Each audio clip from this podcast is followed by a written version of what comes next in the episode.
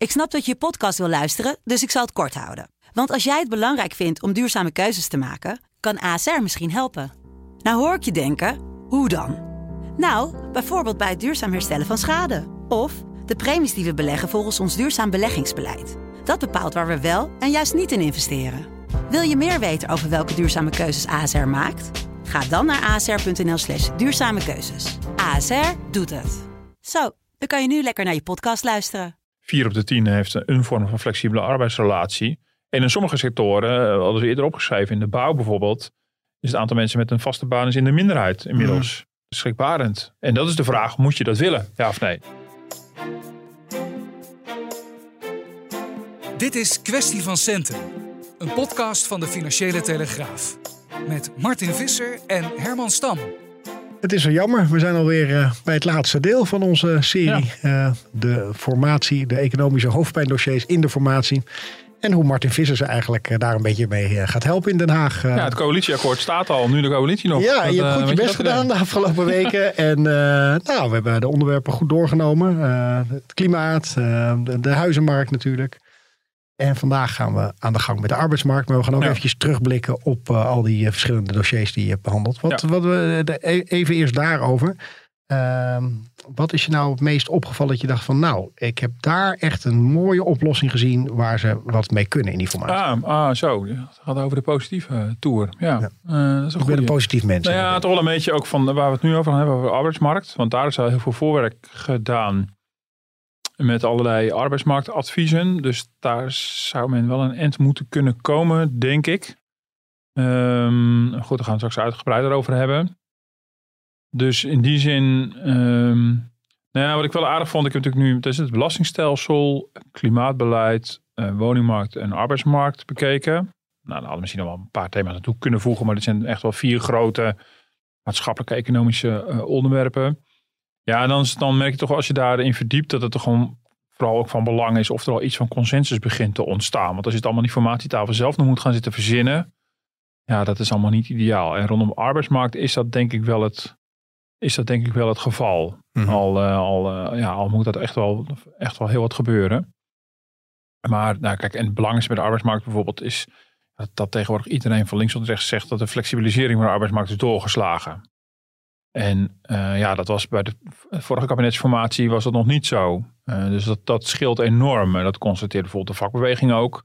Werkgevers zeggen dat ook gewoon letterlijk. Mm -hmm. Dus het is, het is te hard gegaan met, met, met flexwerk. Uitzendorganisaties zeggen het ook.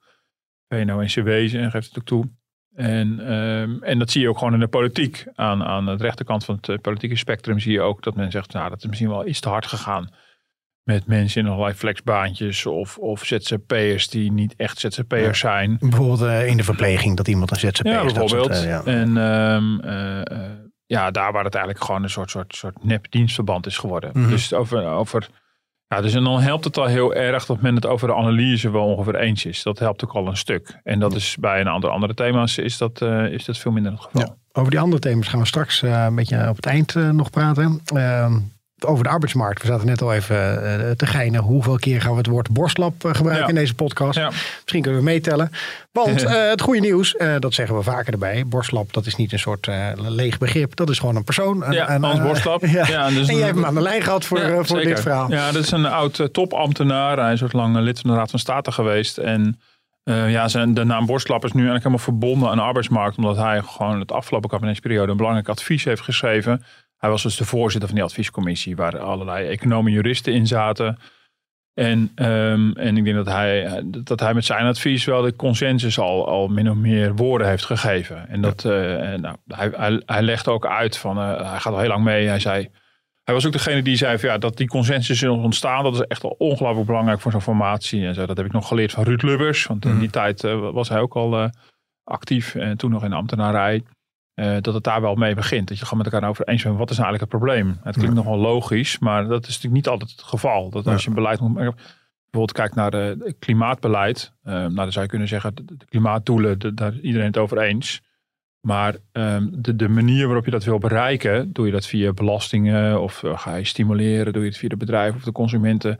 Daar is nog ontzettend veel oneenigheid over, ondanks dat er een klimaatakkoord ligt overigens. Mhm. Maar bij arbeidsmarkt zie je wel eh, dat daar wel echt wel een hele duidelijke consensus is over ja, waar zit het probleem. En dan natuurlijk zal ook wel blijken dat als je dat gaat uitwerken, eh, dat je dan ook alweer tegenstellingen krijgt. Dus niet zo, het is geen appeltje-eitje. Uh, Dan Mhm. zal dit onderwerp natuurlijk ook niet hoeven bespreken. Ja, want je zegt wel eens van, eh, joh, uit het Borstlab eh, rapport kan je ook gewoon een beetje shoppen. Hè? De- Zeker. Je, je eigen favorietjes Ja. eruit pikken Ja. en dan... eh, Nou ja, dat hebben we natuurlijk met name natuurlijk gezien met eh, Wopke Hoekstra tijdens de verkiezingscampagne.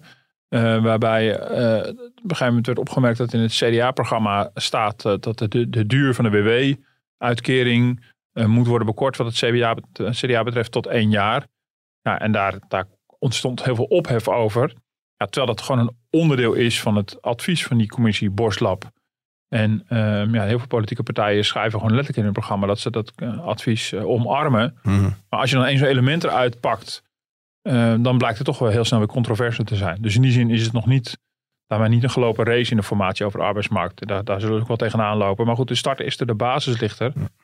En dit is wel een van de voorbeelden van ja, eh, ja, betekent het alleen maar dat je mensen met, met allerlei onzekere flexbanen meer kans op een vaste dienstverband geeft en meer zekerheden biedt? Of ga je ook aan de andere kant eh, wat doen, aan de kant van ontslagrecht bijvoorbeeld, Mhm. om die te versoberen?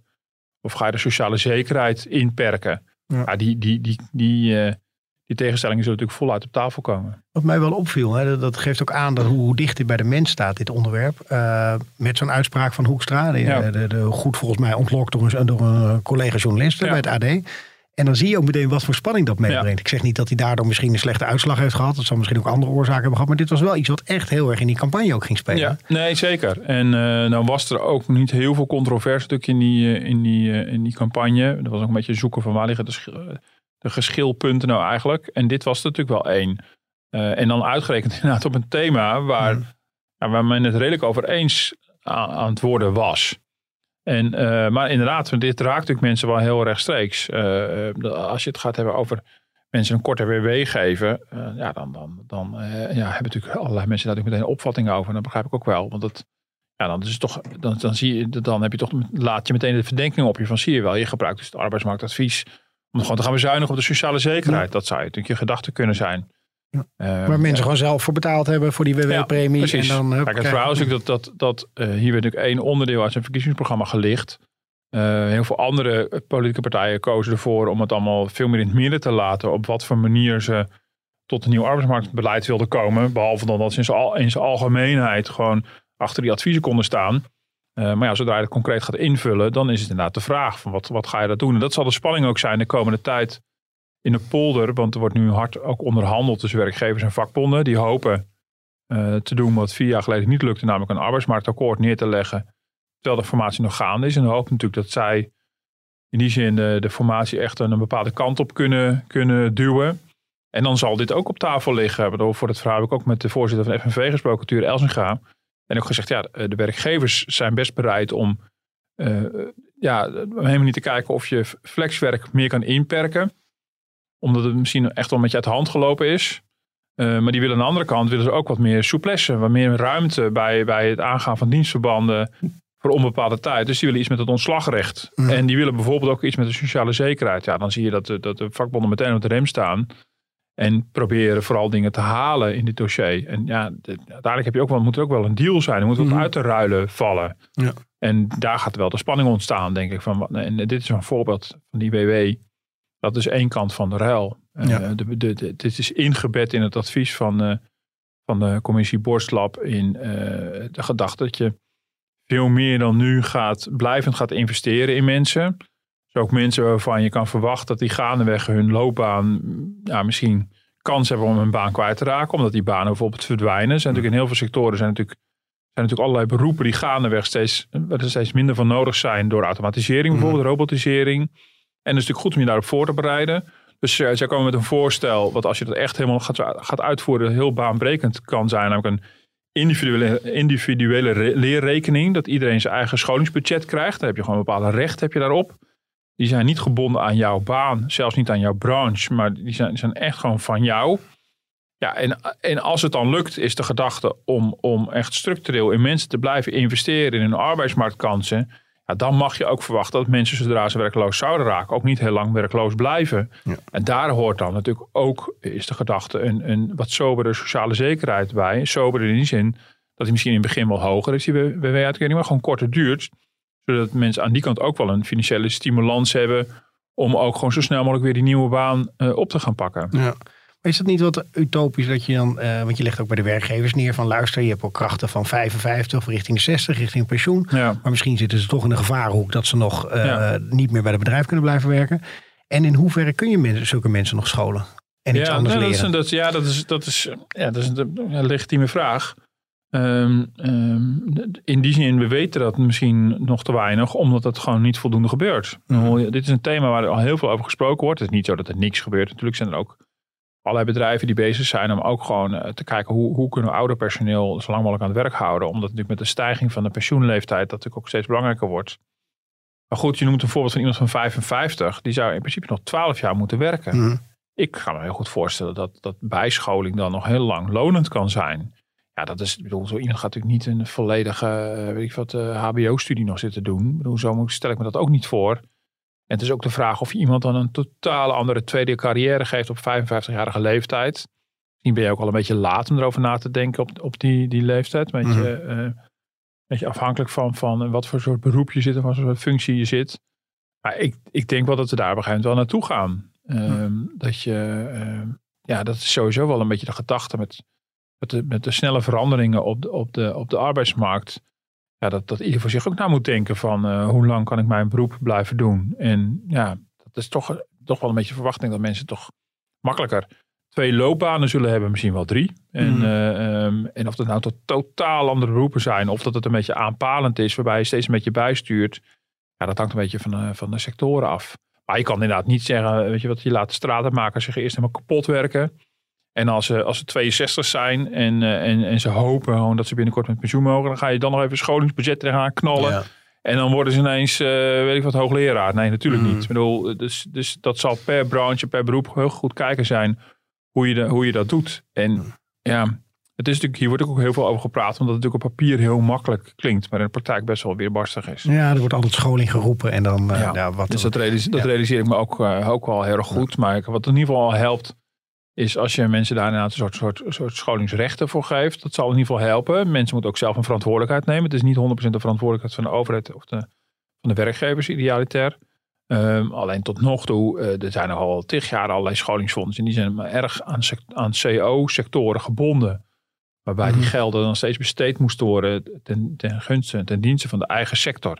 En dat is misschien niet altijd reëel meer. Ja, je bedoelt er eigenlijk ook mee, eh, dan zijn er dus vakbonden bij betrokken. En Ja. die willen het heel specifiek Ja. in die sector Ja, houden. dat is een heel langlopend conflict van vakbonden werkgevers. Die, die zijn, zitten in de besturen van die O&O-fondsen. Dat zijn allemaal scholingsfondsen. In sommige sectoren zit er echt veel geld in. Dat gaat, gaat echt om miljarden. eh, dat er toch wat te besteden is aan scholing. Dus geld is ook niet het eerste probleem. Het is meer van hoe zet je dat in? Mhm. En ehm, nou goed, en er zijn ook, ook in eerdere rapporten van de Wetenschappelijke Raad voor Regeringsbeleid, echt al jaren geleden, eh, naar een lerende economie heette dat. Dat ging ook heel erg hierover. Een, een rapport wat, eh, wat nog ligt te verstoffen in een la.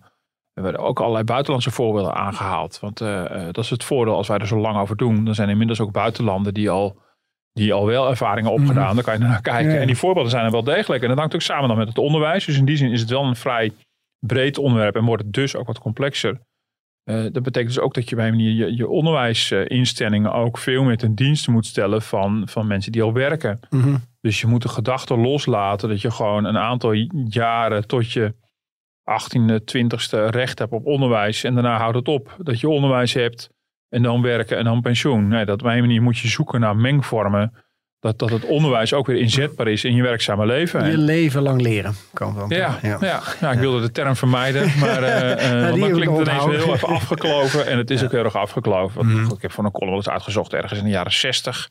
Kon ik terugvinden in de archieven, werd dat voor het eerst in, in een share-stuk genoemd. Ja. Eh, dus goed, dat hebben we wel eens eerder, eerder over gehad. Dus dat, is, dat blijft, ja, goed. Ik ben benieuwd of een komend kabinet erin slaagt om daar nu echt, echt iets van te maken. En ja, als je ook nog het onderwijsveld erbij betrekt, dan wordt het natuurlijk wel ingewikkeld. Want Mhm. onderwijshervormingen zijn niet heel erg populair in Den Haag. Nee, helder. Eh, wat ik nog weet uit mijn tijd ook dat ik over de arbeidsmarkt schreef, en dat is al wel een tijdje geleden, en dan kwam ook af en toe het woord demotie terug. Oh ja. En uh, Ja. ik zie dan eh, vaak op die werkvloer en denk van ja, dan zit iemand in een soort van eh, managementfunctie of wat hoge functie. Maar zo'n stap terug, dat is ook vooral heel erg Ja. lastig voor de wat oudere Ja. werknemers. En dat zou, denk ik, werkgevers best wel helpen als ze daar ook wat meer mee kunnen schuiven. Ja, nou, dat zou eventueel kunnen. Ik weet niet of het de oplossing voor alles is, maar het zou natuurlijk wel helpen dat je, eh, zeker, ik bedoel, dat, dat zou denk ik niet per se een taboe moeten zijn. Moet wel even kijken hoe je dan afspraken maakt over pensioenopbouw. Ik kan me wel voorstellen dat mensen wel heel graag willen dat een pensioenopbouw gewoon doorloopt, bijvoorbeeld. Nou, dat is misschien nog wel een mouw aan te passen. Maar als het inderdaad betekent eh, dat jij eh, alleen maar ja, de, het, het uit, kan, uit kan houden op, een- op, een, eh, op een goede manier tot aan je pensioenleeftijd in een in een baan die wat minder van je vergt. Wat Mhm. op zich ook helemaal niet zo raar hoeft te zijn. Ook helemaal geen schande hoeft te zijn. Ja, daar kan dan eventueel ook een iets lager salaris bij horen. Dat is ook altijd wel ingewikkeld. Ja. Ehm, eh, maar goed, dat vind ik ook wel weer een andere kant. Dan moet ook van de werkgevers kunnen worden verwacht dat je ook wel het maximale doet om, om mensen dan ook reële andere functies te bieden. Hè, waarmee ze wel de eindstreep kunnen halen. Mhm. En waarmee ze het ook gewoon naar hun zin kunnen hebben. Want mensen moeten ook gewoon met plezier blijven werken tot het einde van hun, eh, tot hun, van hun loopbaan. Maar dit kan een onderdeel eh, daarvan zijn. Het lijkt me niet, eh, dat, en het strandt altijd, omdat natuurlijk om de zoveel tijd gaat een werkgever dat weer roepen, demotie moet mogelijk zijn. En dan ja, als los idee is het ook makkelijk af te schieten. Mhm. Dit is ook gewoon, zou een heel onderdeel kunnen zijn van, van zo'n heel pakket. Ja. Mits je inderdaad die hele scholing en die inspanning voor scholing allemaal goed op orde hebt. Even die arbeidsmarkt zelf, hè? want ik denk dat mensen best wel eh, eh, met bevreemding naar die cijfers kijken. Want eh, die werkloosheid die daalt eigenlijk Ja. gewoon in de tijden dat we Ja. de grootste crisis sinds de Tweede Wereldoorlog Ja. meemaken. Ja, klopt. Die, die, die steunpakketten, die houden dat eigenlijk allemaal zo Ja. overeind. Ja, nou ja, wat je dus nu ziet gebeuren is dat de werkloosheid daalt al een heel aantal maanden. En eh, ja, in de voorspellingen gaat hij nog steeds omhoog. Moet nog maar zien of dat echt gaat gebeuren. Voor dit jaar, als, de, als op een gegeven moment de crisis min of meer achter de rug is. En de steunpakketten worden afgebouwd. Dan zou de werkloosheid alsnog moeten oplopen. Samen met de faillissementen die dan mogelijk gaan komen.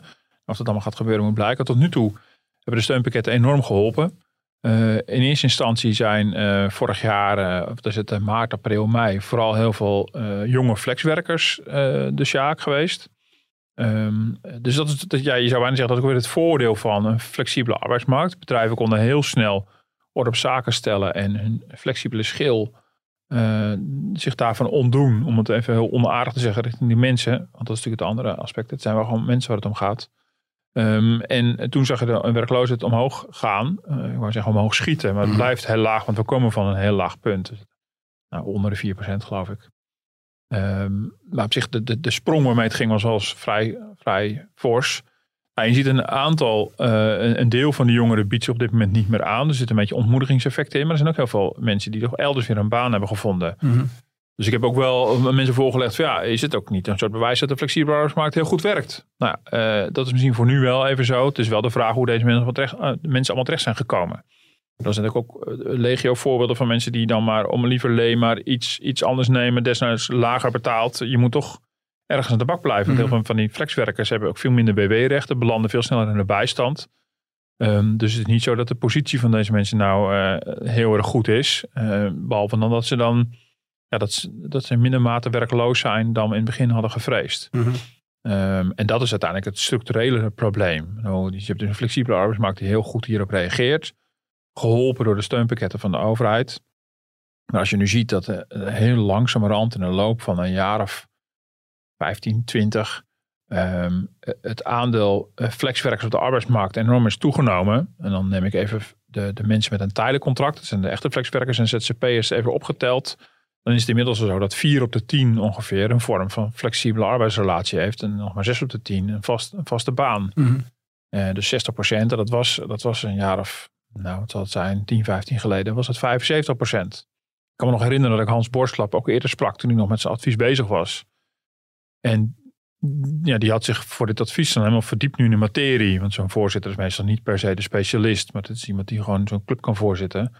Ehm, dus voor hem waren ook sommige dingen nieuw. En die was echt een beetje geschrokken van eh, hoe die trend zich heeft voortgezet. Dat gaat stapje voor stapje.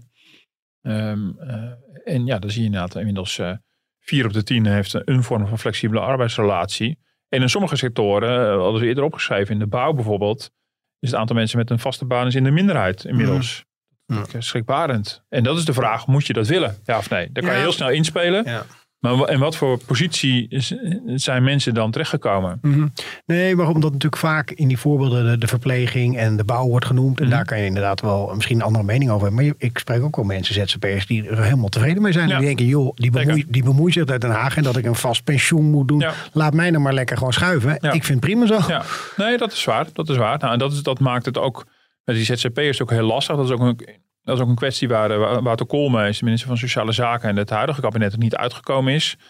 Want je, het is heel lastig om voor ZZP'ers in zijn algemeenheid iets te regelen, eh, omdat die groep nogal divers is. Mhm. En, eh, en zeker, er zijn heel veel mensen die in staat zijn om gewoon hun eigen talenten te vermarkten en dan ondernemer zijn geworden.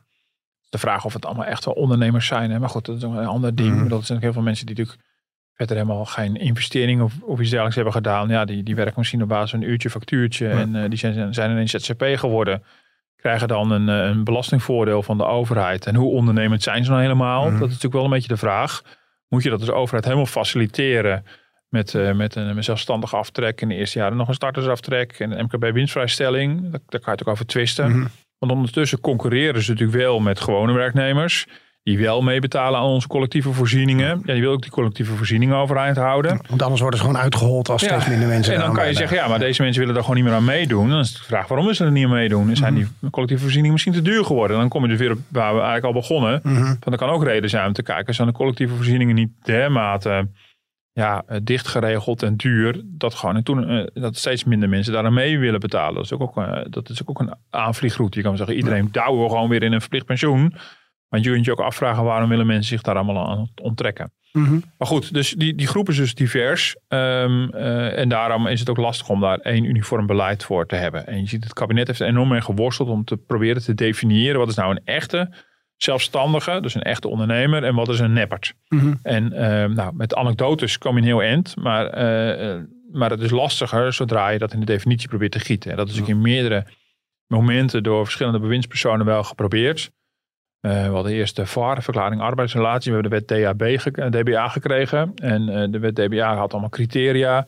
Ja, die werden door critici ook helemaal in belachelijke getrokken. Want ja, ongeveer moest je als ZZP je eigen printer meenemen naar je werk. Mhm. Want als je faciliteiten van, van je opdrachtgever gebruikte, was je eigenlijk in dienst. Op zichzelf ook wel niet zo heel erg raar. Want als je achter datzelfde bureau zit, achter eenzelfde bureau zit als waar een collega aan zit. En die ene is een dienstverband en de andere is een ZZP. En men gebruikt dezelfde faciliteiten. Het enige verschil is, jij stuurt de factuur en de andere krijgt zijn loon betaald aan het eind van de maand. Mhm. Dan is toch wel de vraag, van, ja, ben je dan wel een echte ondernemer? Nou, Borslap zegt eigenlijk heel pragmatisch, met die definities, daar kom je bijna niet uit. Eh, hij, zegt, hij zegt vrij rigoureus, haal gewoon alle fiscale voordelen bij ZZP'ers weg.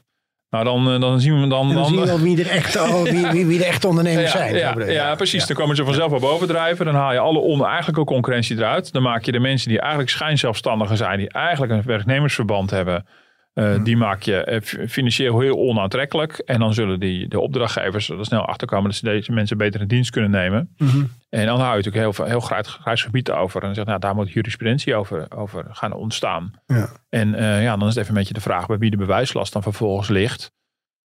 Maar goed, dit zal wel, eh, je ziet dat zelfs D66, toch het de ZZP-partij van Nederland, ook de afgelopen jaren, ook, ook met Wou- Wouter Koolmees als minister op die plek, eh, ook bereid is geweest om de fiscale voordelen van ZZP'ers al enigszins terug te dringen. We zitten nu Mhm. al onder, dus het eh, ruim onder de 7000 euro zelfstandig aftrek op jaarbasis voor ZZP'ers. En daar zaten we tot voor kort nog, nog ruim boven. Dus je ziet stapje voor stapje dat het toch, dat is onderdeel van die consensus, dat men toch ziet van ja, misschien moet je fiscale voordelen gewoon weghalen. Of heel, of in ieder geval gedeeltelijk. Mhm. Dus dat zal ook een onderdeel van het nieuwe kabinets, eh, van, van, eh, van het regeerakkoord eh, worden. Mhm.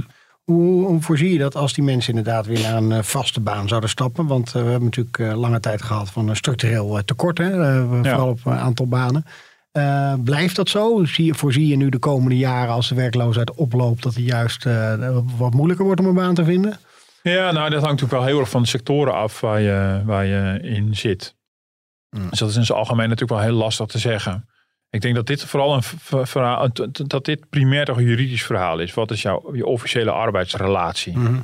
En, ehm, eh, en, en daarbij wordt er toch een poging gedaan om te kijken van nou, je moet naar de hele populatie werkenden kijken. En dan heb je gewoon allerlei soorten rela- arbeidsrelaties. En je kan dus in vaste dienst zijn. Je kan een ZZP'er zijn of iets ertussenin. Dat kan een soort uitzendcontract zijn. Of dat zijn een beetje de, de routes.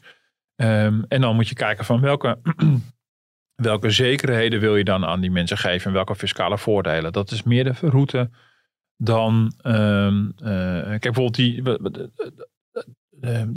de bedoeling natuurlijk een beetje is, is mensen die oneigenlijk in allerlei flexverbanden zitten of ZZP-schappen worden geduwd en gedwongen om die dat misschien zelf helemaal niet liever niet willen.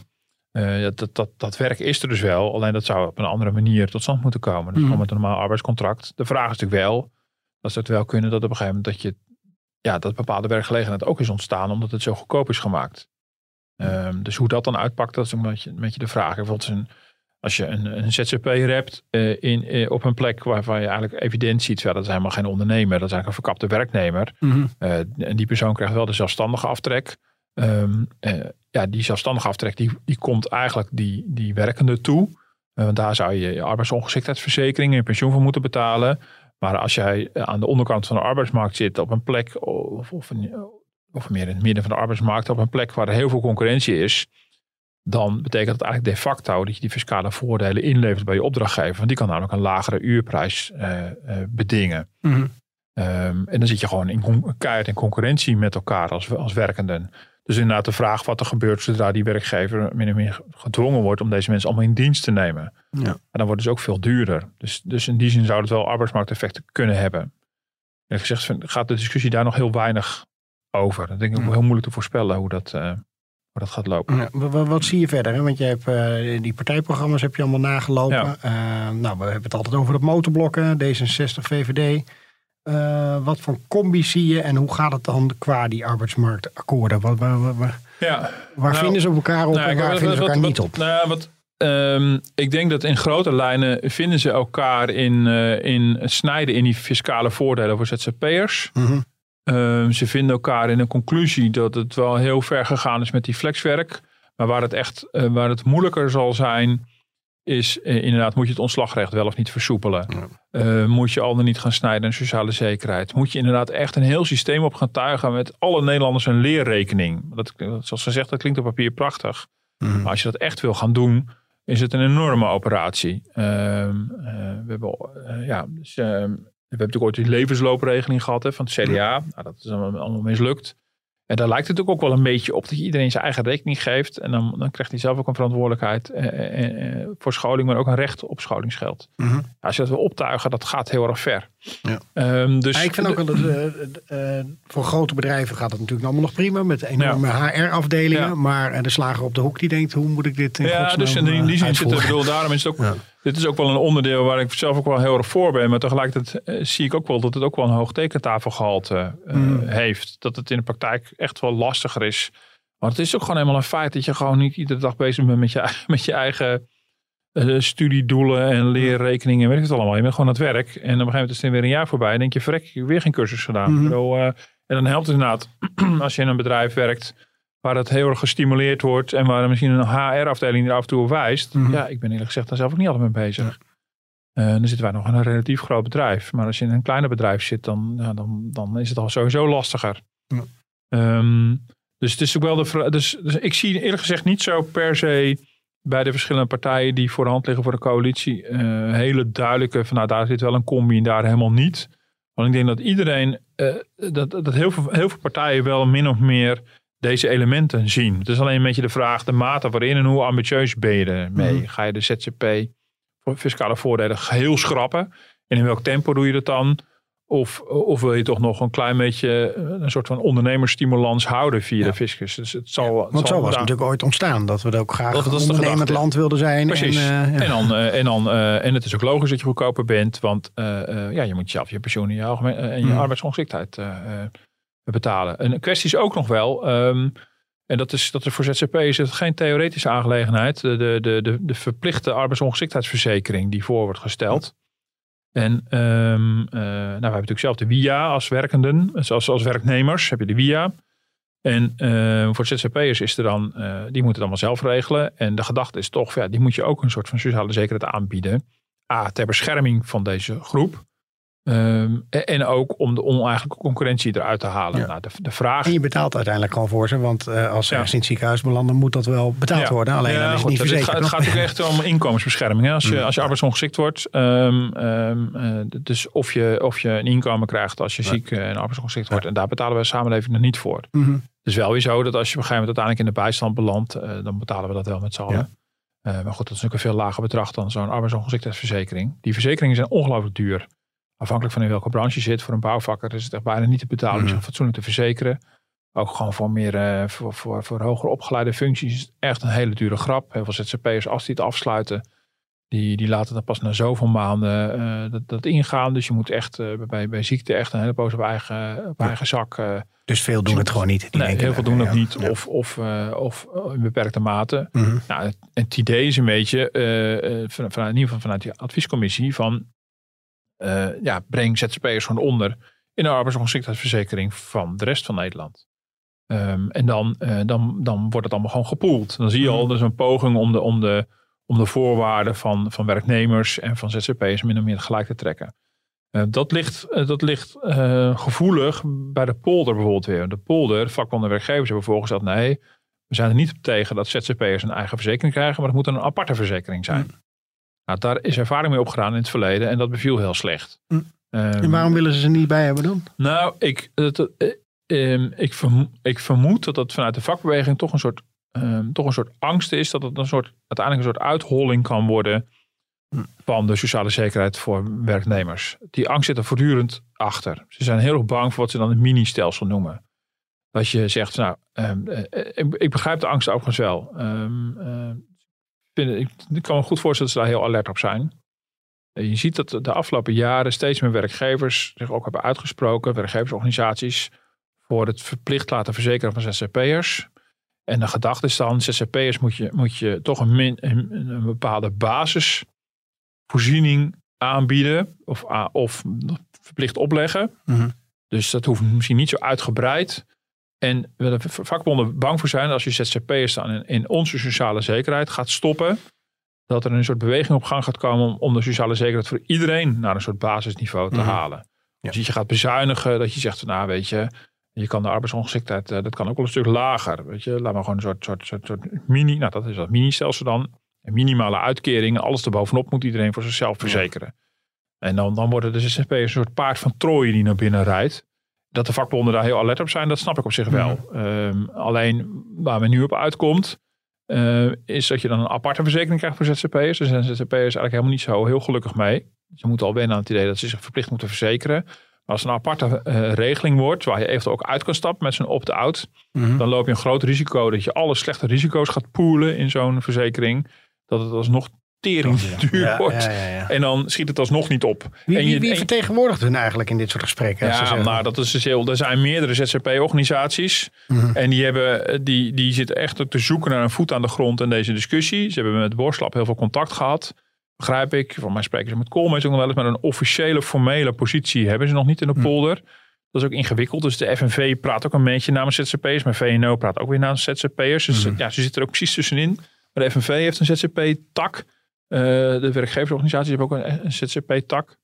Ehm, eh, ja, ja, en het, is- ook, ik denk dat er ook een grote aarzeling is om die verschillende ZZP-organisaties ook allemaal aan tafel te krijgen. Want dat is natuurlijk de, vra- de vraag ook weer of zij echt namens die hele populatie spreken. Ik heb altijd sterk de indruk, als je hun hoort, dat ze heel erg voor de vrijheid model zijn en de liberale visie. En daarmee ook vooral de ZZP'ers vertegenwoordigen. Die misschien ook wel echt ondernemers zijn. Of die vooral de voordelen van inzien. En misschien wat minder de, de, de, de, de categorie werkenden die wat meer zekerheden en, eh, en, en financiële basis zou willen geven. Waar de, waar de vakbeweging dan weer voor opkomt. Maar goed, de Mhm. vakbeweging, ehm, de, de, de, de vakbonden, die zien ZZP'ers eh, als een deel van hun achterban. Maar ook als een, een concurrent van het grootste deel van hun achterban.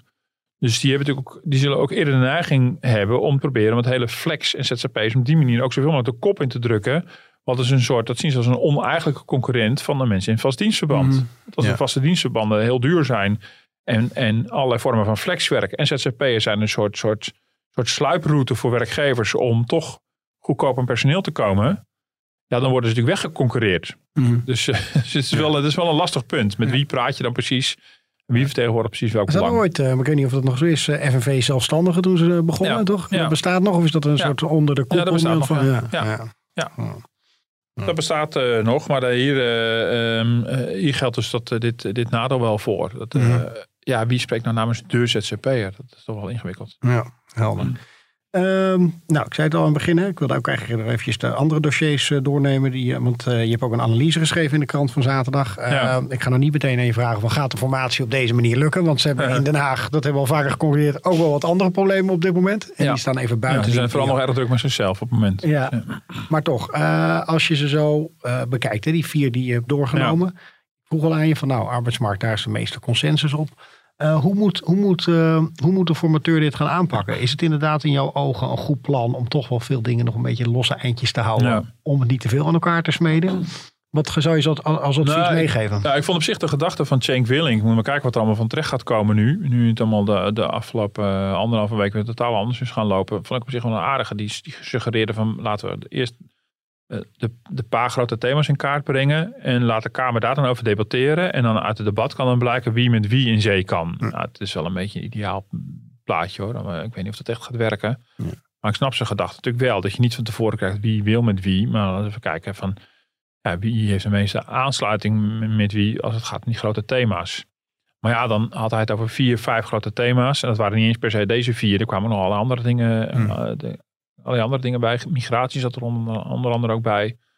Eh, het hele herstelplan voor corona noemde hij. eh, de democratische rechtsorde. Nou, hoe je dat precies als, als, als thema wil doen, Hmm. dat vind ik nog wel ingewikkeld. Dat wordt wel heel eh, abstract. Maar ehm, Maar wat, wat, wat was daar de gedachte achter eigenlijk? Dat heb ik, eh, de, de democratische ja, dat, is, ja, dat vind ik al een beetje een verzamelbegrip. Dat zal ook, dat zal ook wel gaan over, over de macht en tegenmacht. Mm. En dat gaat natuurlijk ook over de verhouding tussen overheid en burgers. Dat is ook een Ja. stokpaardje van Jake Willink. En terecht natuurlijk, met de toeslagenaffaire hebben we natuurlijk gezien dat dat eh, wel iets is eh, om te bewaken. Mhm. Maar goed, dan heb je het ook al heel snel over de toegang tot eh, eh, rechtsbijstand. En eh, of alle mensen met, met een ongeacht inkomen wel een toegang hebben tot ons rechtssysteem. Ik bedoel, Dat is wel, dat is wel heel veel met tegelijkertijd Mhm. Ehm, voor zo'n debat. Maar ik snap die gedachte op zich wel. Dat je gewoon kijkt van wie kan met wie. Maar waar ik me wel een beetje zorgen over maak. En dat realiseer ik me eigenlijk toen ik die, die serie aan het afronden was. Is, is, is eh, de omvang van eh, de, de, de agenda van een nieuw kabinet. En dat had ik me tot dan toe eigenlijk nog niet zo heel erg bij stilgestaan. En ik denk van alle mensen, het is nogal wat. Nou, ik, ik heb in het verleden heel veel contact gehad met eh Nietjan van Kesteren. Dus eh, eh, jarenlang de directeur van VNO-NCW geweest. Echt een De, de swings van... eh, ja, echt een stratege op de achtergrond. En ik heb altijd wel iets in mijn oren geknapt wat hij altijd zei van elk kabinet kan één grote hervorming aan. Er was iemand die echt heel strategisch dacht en ook wist van ja, veranderingen zijn en kunnen goed zijn, maar het moet echt wel stap voor stap. Dus het is gewoon niet reëel om heel veel tegelijkertijd overhoop te halen. Hm. Ik denk, ja, we hebben hier al vier thema's besproken en er zijn nog wel meer te verzinnen. Ehm, en van al die thema's heb ik het idee van die moet je niet nog een hele kabinetsperiode laten rusten. Bedoel, Je kan moeilijk zeggen, de woningmarkt, dat doen we in, in, in Rutte 5 alweer een keer. Rutte Eh, 5, kijk. we gaan, ja. Eh, of, eh, of eh, nou goed, eh, of iemand anders. eh. Kaag 3, weet ik veel. Maar ehm, eh, eh, dus, dus het zijn wel dingen die echt wel, echt wel moeten. Eh, en dan denk ik van nou, dan is die agenda op voorhand al top zwaar. En dan, als je dan natuurlijk de, de, ehm, ehm, ja, natuurlijk de spanning ziet tussen hoe ver Den Haag nu is, zoveel weken na de verkiezingen en wat er eigenlijk allemaal ligt. Mhm. Dat is natuurlijk enorm, want het is ook nog crisis. En eh, er moeten knopen worden doorgehakt over het verlengen van het steunpakket. Zie nog weer het uitbreiden van het steunpakket, waarom geroepen wordt vanuit eh, ondernemers. Eh, het herstelplan, wat dat allemaal behelst. eh, wat de kostenpost daarvan gaat zijn, hoeveel geïnvesteerd moet worden. En wat er met de schuldenproblematiek problematiek moet worden gedaan. Mhm. En dan al deze thema's. In een politieke constellatie waarbij niemand meer niemand vertrouwt. eh, waarbij men het liefst een dun regeerakkoord wil op hoofdlijnen. En dan een godzegende de greep. Nou, Ja. ik ben heel erg benieuwd. Ik vind het best wel eh, heftig eigenlijk. Wat daar, Gooi je ook nog even het pensioenakkoord eh, ertussendoor. nou ja, dat pensioenakkoord. ook nog iets nou ja, dat heb ik nog niet eens als thema apart genoemd. Ja. Dat kreeg ik van een van de lezers ook terug. Van Mhm. waarom noem je dat niet? Ik denk, ja, dat is in verhouding nog een relatief klein hoofdpijndossier. Gek genoeg. Mhm. Vooralsnog, omdat daar een akkoord ligt. En een jaar later was er een akkoord over de uitvoering van het pensioenakkoord. Mhm. Ehm, dus daar is in ieder geval meer dan algemene consensus. Daar ligt ook echt al een plan. Er ligt een stelsel op tafel. Maar goed, daarvan, de, de wetgeving daarvan eh, gaat weer niet op tijd naar de Kamer komen. Werd, eh, werd natuurlijk eh, onlangs bekend. Dus er zit vertraging op de lijn. Daar is eh, gedoe over een aspect wat eh, in het pensioenakkoord gekoppeld werd aan de AOW. Dat misschien mensen met een zwaar beroep na 45 jaar recht zouden krijgen op AOW. Wat Koolmees niet wil en de vakbonden weer wel. Dus daar zit op zich, eh, daar zit nog heel veel problemen in de uitvoering. Daar zijn we nog allemaal nog lang niet. Maar dat heb ik inderdaad nog niet eens genoemd, een pensioen. Mhm. Omdat je denkt, nou daar hebben we in ieder geval al wel een, is er in ieder geval een soort van oplossing bedacht. Ja. Eh, maar dat moet allemaal wel uitgevoerd gaan worden. Dat is ook wel een eh, flinke klus. Dus ik maak me daar wel, eh, ja, ik vind het is wel zorgelijk dat dat het om zoveel gaat eigenlijk. En dan heb je inderdaad ook nog, dan moet de toeslagenaffaire worden opgelost. De les die eruit getrokken worden. Hoe gaat de overheid om met, met de burgers? Kan daar een wending komen in allerlei regelingen en, en, en, en wetten en, en, en, en rechten van mensen. Eh, waarbij de burger niet meer verdrinkt en waarbij de burger niet meer tegenover de overheid komt te staan, maar eh, veel beter wordt bediend. Dus een heel andere manier van omgang. Niet meer op efficiëntie gericht, wat jarenlang zo was, maar meer op, op dienstbaar zijn aan die burger. Mhm. Ja, het is allemaal op heel veel ministeries wel heel veel hoor. Goedemorgen. Nou, mag jij tot slot, mag je toch eh, cherrypicking doen? Mag Oh ja. je als econoom één ding uitkiezen en dan zeg nou, ik eh, zit aan die tafel. En Ja. dit zouden we dan de komende vier jaar moeten Zeker moeten doen. En op deze manier. Jeumig. Hmm, nou, nou, verval me wel Wat vind je het belangrijkste eigenlijk? Qua gewoon de dossiers. Jeetje. Nou, ik vind dat een onmogelijke vraag.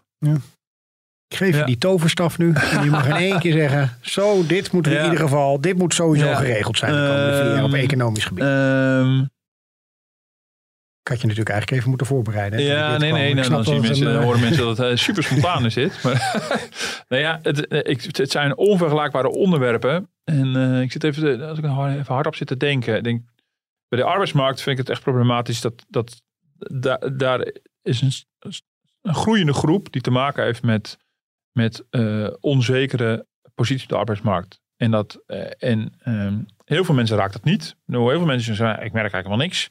Maar het, het aantal mensen dat het wel raakt, dat groeit. Dat zit onder andere bij jongeren, bij lager opgeleiden. En dat is een mate van onzekerheid die mensen, waar je mensen niet langdurig in wil laten zitten. Dus daar zie je het belang wel van. Het klimaat is natuurlijk evident. Nou, we hebben ook internationale klimaatafspraken, daar moet je je aan houden. Ehm, belastingen, toeslagen. En dan gek genoeg kies je dan denk ik toch voor de wonen, woningmarkt. Mhm. Ehm, eh, want dat raakt natuurlijk ook aan de bestaanszekerheid van mensen. Als je niet meer als overheid in staat bent om, om mensen eh, een betaalbaar huis, in een betaalbaar huis te voorzien. Ehm, en dat zou idealiter ook niet zo ingewikkeld moeten zijn. Omdat daar niet per se enorme stelselwijzigingen bij gemoeid zijn. Dat is toch op een manier, we hebben het in een eerdere podcast over gehad. Waardoor allerlei partijen zeggen, nou, er moet één minister komen en dan is het opgelost. Nou, zo simpel is het weer niet. Dus het is ook best wel ingewikkeld om samen te werken als Rijksoverheid met de gemeente, met provincie, met bouwers, projectontwikkelaars, eh, woningcorporaties. Maar daarvan zou je toch zeggen, eh, iedereen wil hetzelfde. Namelijk bouwen, bouwen, bouwen. Ja, ja, dat was ja. het fragment vorige keer. Daar moet het toch mogelijk zijn om daar met goede afspraken op die verschillende niveaus van de overheden, met regionale overheden, tot afspraken te komen. En ik denk niet dat we ons kunnen permitteren om het tekort aan woningen zo hoog te laten oplopen. Mensen zoveel onzekerheid te geven. Kan ik ergens betaalbaar en prettig wonen? Ehm, dus dan kies ik toch, toch voor die. Ja, Ja. nou, het lijkt me een mooi punt, toch? Het Ja, is belangrijkste wat er is. hardop Een, een, dak boven je huis. eh, Ja, of je, en dan boven je ga ik even uit dat het zo snel geregeld is. Dat er ook nog een ruimte voor de tweede thema. eh, Nou, dat is een, een, een positieve gedachte. Ehm, dankjewel Martin voor je tijd. Eh, ik wijs er ook nog even op dat we zaterdag in de krant nog een verhaal hebben over het flexwerken zelf en de uitzendmarkt eh, van eh, Joost Spijker. Ook, eh, eh, nou ja, heeft ook weer van alles met de formatie te maken en eh, een deel van waar we het nu over hebben gehad. En u kunt dit eh, terugluisteren op eh, iTunes en op eh, Spotify. En we vinden het ook fijn als u ons een beoordeling geeft op, op die kanalen. Hè, om eens even te kijken hoe je deze podcast, hoe, je, hoe je ze vindt. En e-mail ons ook op podcast.dft.nl. Tot volgende, nee, ik wilde zeggen tot volgende week. Dat is niet waar. We zijn allebei even een weekje weg. Ja. Dus tot over twee weken. Tot over twee weken.